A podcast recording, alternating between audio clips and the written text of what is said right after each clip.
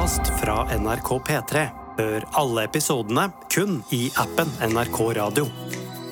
Helt på tampen av 2023 fikk en gammel diskopoplåt nytt liv gjennom den mye omtalte filmen Saltburn. 22 år etter at britiske Sophie Ellis Baxter ga den ut, så er nemlig Murder on the Dance Floor tilbake på topplistene. Hvorfor blir en over 20 år gammel låt så populær nå? Og hvorfor er den bare ett av mange eksempler på at like gamle eller enda eldre låter gang etter gang får en ny vår og suser mot toppen av hitlistene?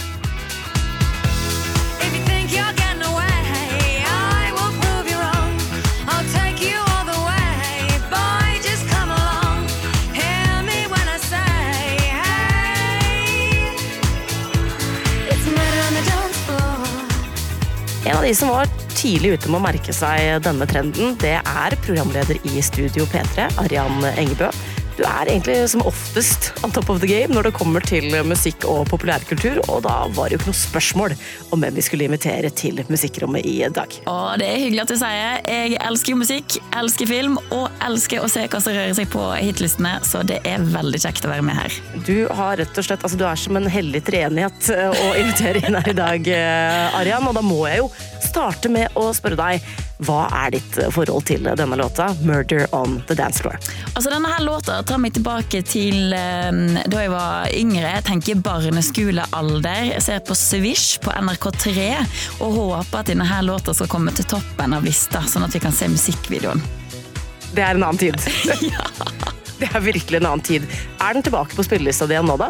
Eh, Det er den så absolutt. Jeg eh, skal faktisk DJ på en liten bursdagsfest i helga, og der har jeg lasta den ned spesielt for å kunne spille den igjen nå. Det tror jeg det er eh, flere som har gjort, eh, Arian. Både spiller den ute på, på byen nå og har lagt den til i spillelistene sine, og noen kanskje for aller første gang. Og det er jo nettopp det vi skal snakke mer om i denne episoden av Musikkrommet. Hva er det egentlig med denne låta som gjør at den omfavnes av nye generasjoner i dag?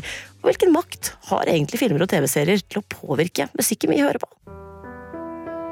Jeg har måttet stalke Sophie Ellis Baxter litt uh, nå pga. alt som har skjedd rundt låta hennes i det siste. Da kom jeg over en kommentar på et innlegg hun hadde lagt ut på Instagram, hvor det sto Jeg er så glad for at denne låta har blitt født på ny etter alle disse årene. Vi som har vært her siden starten, kan nå si velkommen til klubben. Så jeg tenkte at vi kunne reise tilbake dit, Arian, til starten. Yes, Sophie Ellis Baxter slapp jo denne her låta i 2001.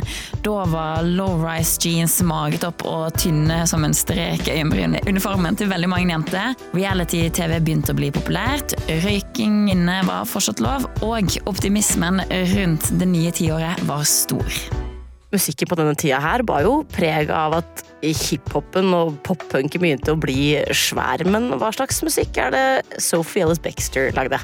Hun var egentlig vokalisten for et spirende indieband, men da bandet ble droppa fra plateselskapet på starten av 2000-tallet, valgte hun å gå en litt annen retning, mot diskoen som var tilbake for fullt.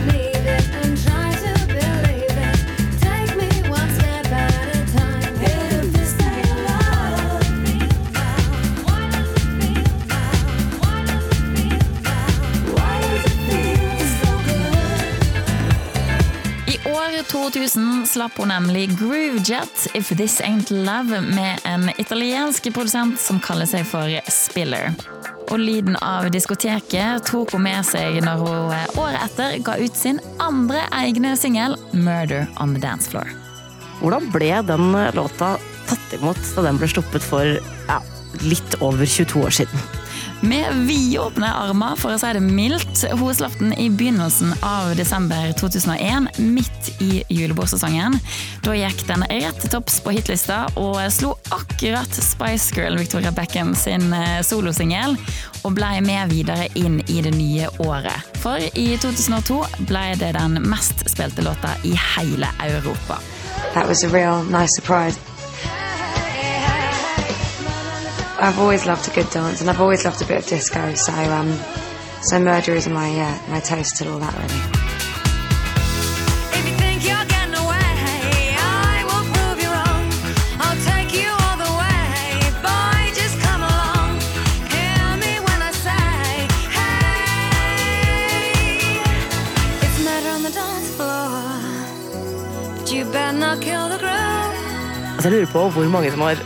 funnet hverandre på dansegulvet til lyden av denne låta her.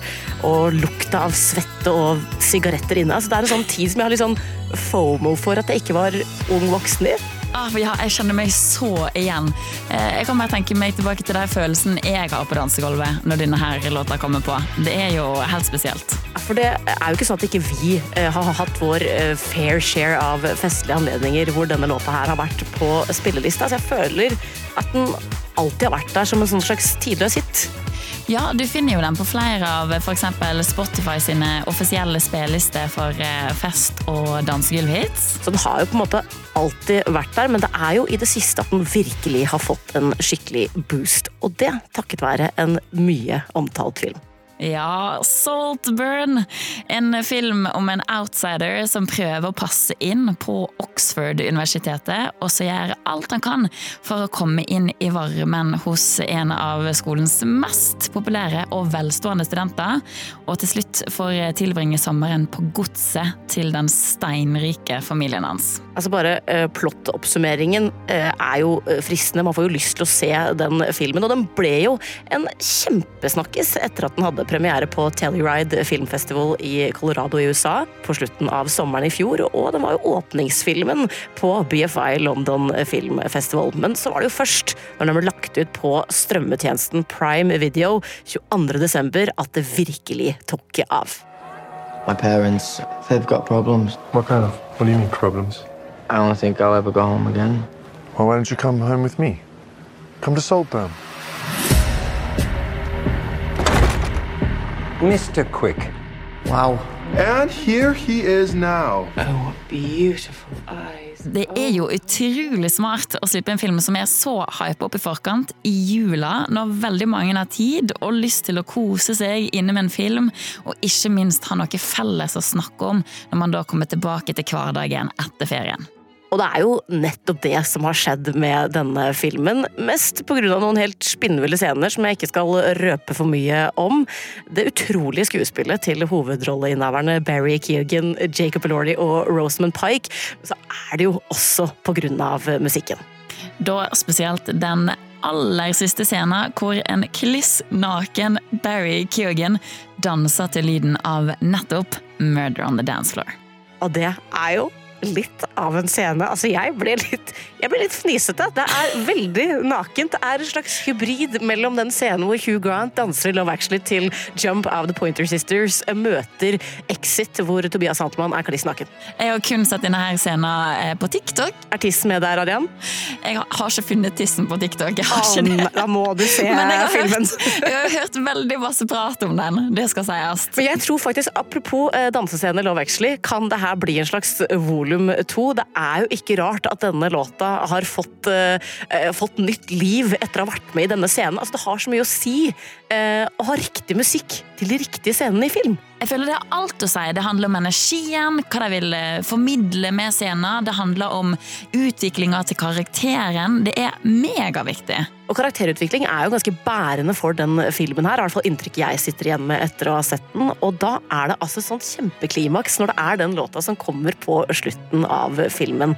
Vi har jo allerede etablert hvor, hvor mye boost Murder on the Dance Floor har fått i det siste. Hva har det egentlig hatt å si for denne låta til Sophie Ellis-Baxter, Arian? For første gang på 22 år er låta tilbake på de offisielle topplistene i Storbritannia. Den har allerede ligget som nummer to i to uker. Og før Saltburn hadde den nesten 300 000 vekentlige avspillinger. Og nå så har den bikka 2,2 millioner, og det er faktisk ny rekord for låta. How do you feel about the revival of your one of your greatest hits? I think it's kind of magical. It's quite hard to get my head around because usually when you've got a song in the charts, you've been doing lots of promos, so you're kind of caught up in the buzz of that. But I've been having Christmas and New Year here with my family, and my song has just been doing this extraordinary thing, and I think it's pretty glorious and it's lots of fun, and I'm really grateful to everybody that's supporting it. But yeah, it's pretty wild, I've got to admit. Altså, dette må jo være så gøy for Sophie Ellis Baxter. Altså, bare her i Norge så er det den låta som de siste ukene har eh, vokst raskest på topplistene. Det må jo være et kjempebevis på at den har fått mange nye lyttere. Jeg så faktisk en meme her om dagen eh, som sa det at eh, de som visste om denne låta før Saltburn, enten var britisk, over 31 år eller skeiv. Jeg tror det er veldig mange flere som vet om han eh, nå. Vi diskuterte det faktisk denne veka her i Studio P3, og da fikk vi inn mange meldinger fra folk som aldri hadde hørt om låta før, men nå hadde lagt den inn på spillelistene sine. Men Arian, dette er jo ikke første gang en eldre låt får en renessanse gjennom film og TV. Nei, vår generasjon tenker kanskje at dette er unikt for oss, og det er jo ganske spesielt når unge folk oppdager Murder on the Dance Floor over 20 år etter at den kom ut. Men det er et fenomen som oppstår med jevne mellomrom, og har gjort det lenge.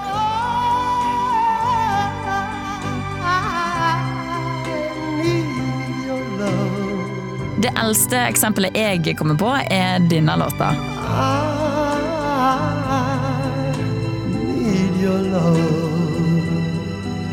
God, speed your love to.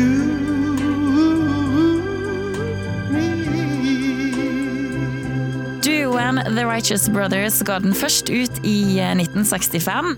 Men 25 år senere, i 1990, var Unchained Melody med i den populære filmen Ghost, og vips begynte folk å høre på den igjen.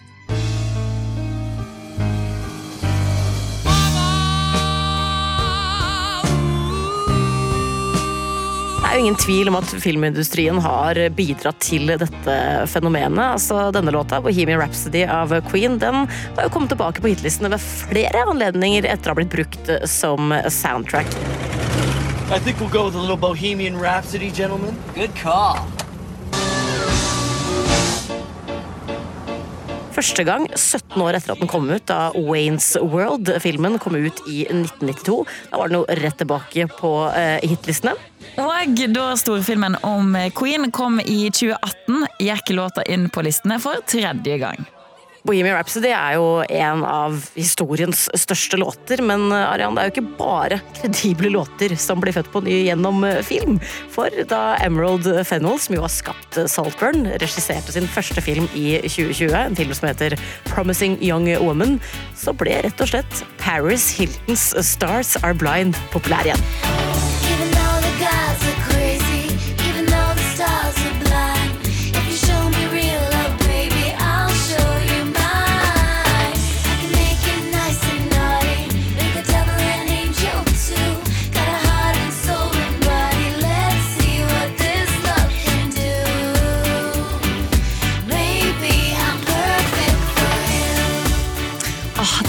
Må vi aldri glemme at eksisterer. Nei, jeg er helt enig. Det er faktisk det er en ordentlig god låt, synes jeg. Den er skikkelig god. Ja, den er det. Eh, Men så har jo også TV-serier eh, på en måte blitt den nye filmen, og der har jo dette fenomenet gjort seg veldig bemerka. Og spesielt i én serie tok det helt av. What if by listening to this over and over, I get sick of it? Suddenly, it's not my favorite song anymore. Will it still work, or will Kate Bush like lose her magic power or something? Kate Bush? Never. You're a Kate Bush fan, Uh, yeah. Now I am. really? Yeah, mega fan. Ingen glemmer hva som skjedde sommeren 2022. TV-serien Stranger Things brukte Kate Bush sin Running Up That Hill gjennom hele sesong fire, og integrerte den i selve handlinga.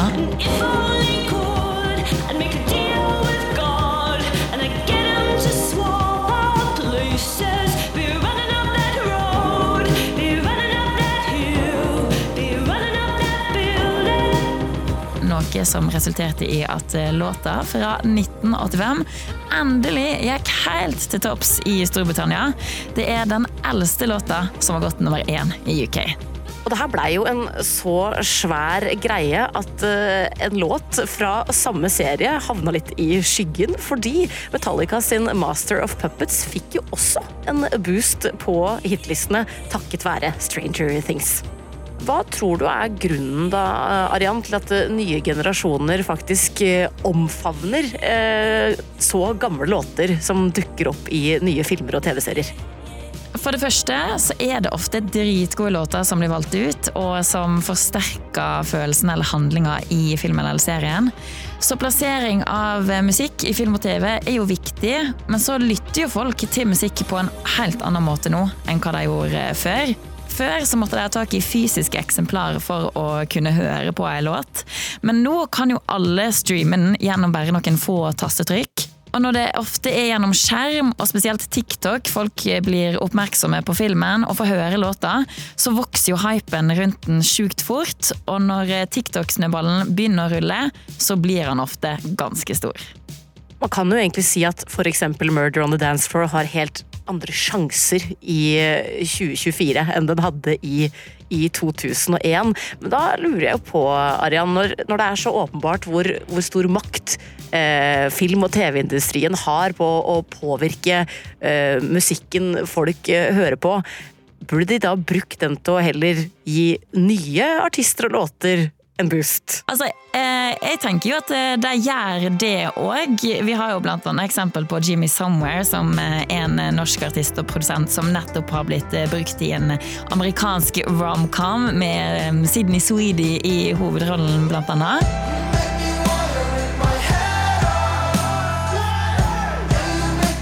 Så jeg tenker jo at eh, forholdet ligger til rette for at nye låter òg kan bli en hype gjennom film og TV. Men det er jo ganske tilfeldig hva som faktisk slår an, og hva som faktisk blir en TikTok-hit. Jeg tror at folket sitter med veldig masse makt her, så det ikke er alltid like lett å styre hva som faktisk får en ny renessanse gjennom film og TV, og hva som ikke er det. Det er jo veldig gode poenger du kommer med her, Arian. Og så bekrefter du jo kanskje litt sånn at uh, musikk er ikke nødvendigvis alltid uh, ferskvare. Man kan ha ja, den nye låta til Jimmy Somewhere og den gamle låta til Sophie Ellis Bexter i spillelistene sine. Og så får vi jo håpe da at folk eh, gjennom denne nye våren til Murder on the Dance Floor kanskje oppdager enda mer av katalogen til Sophie. For hun har virkelig ikke ligget på latsida eh, siden 2001. Den katalogen den er stappfull av mer disko for den som ønsker seg det. Ja, hun har jobba på de siste 20 åra. Hun har kontinuerlig gitt ut album og turnert siden 2001. Og spiller faktisk konsert i Norge og i Oslo på kvinnedagen 8. mars. Sophie har jo skildra det som skjer nå med låta hennes som et eventyr, og at hun elsker å se nye mennesker på konsertene sine. Og jeg vil jo tro at det kanskje er enda flere som tar turen til konserten i Oslo nå for å danse med til Murder on the Dance Floor. It's really hard to wrap your head around, but I'm really trying to just enjoy it because I'm aware that it's really magical, it's pretty unique, and how lovely that it's a song I've got such a good relationship with already. This time it's really, for me, almost more about the song. I just happen to be its mum, you know? so it's like watching the song do what it's doing and just sitting back and being like, oh, look at it go.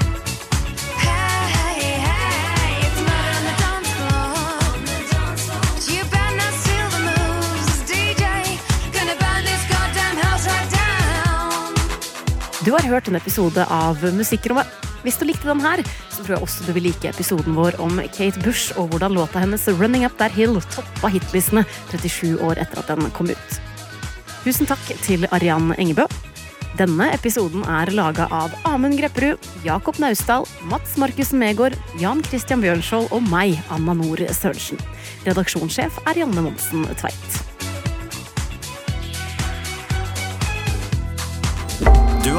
Podkast fra NRK P3. Hør alle episodene kun i appen NRK Radio.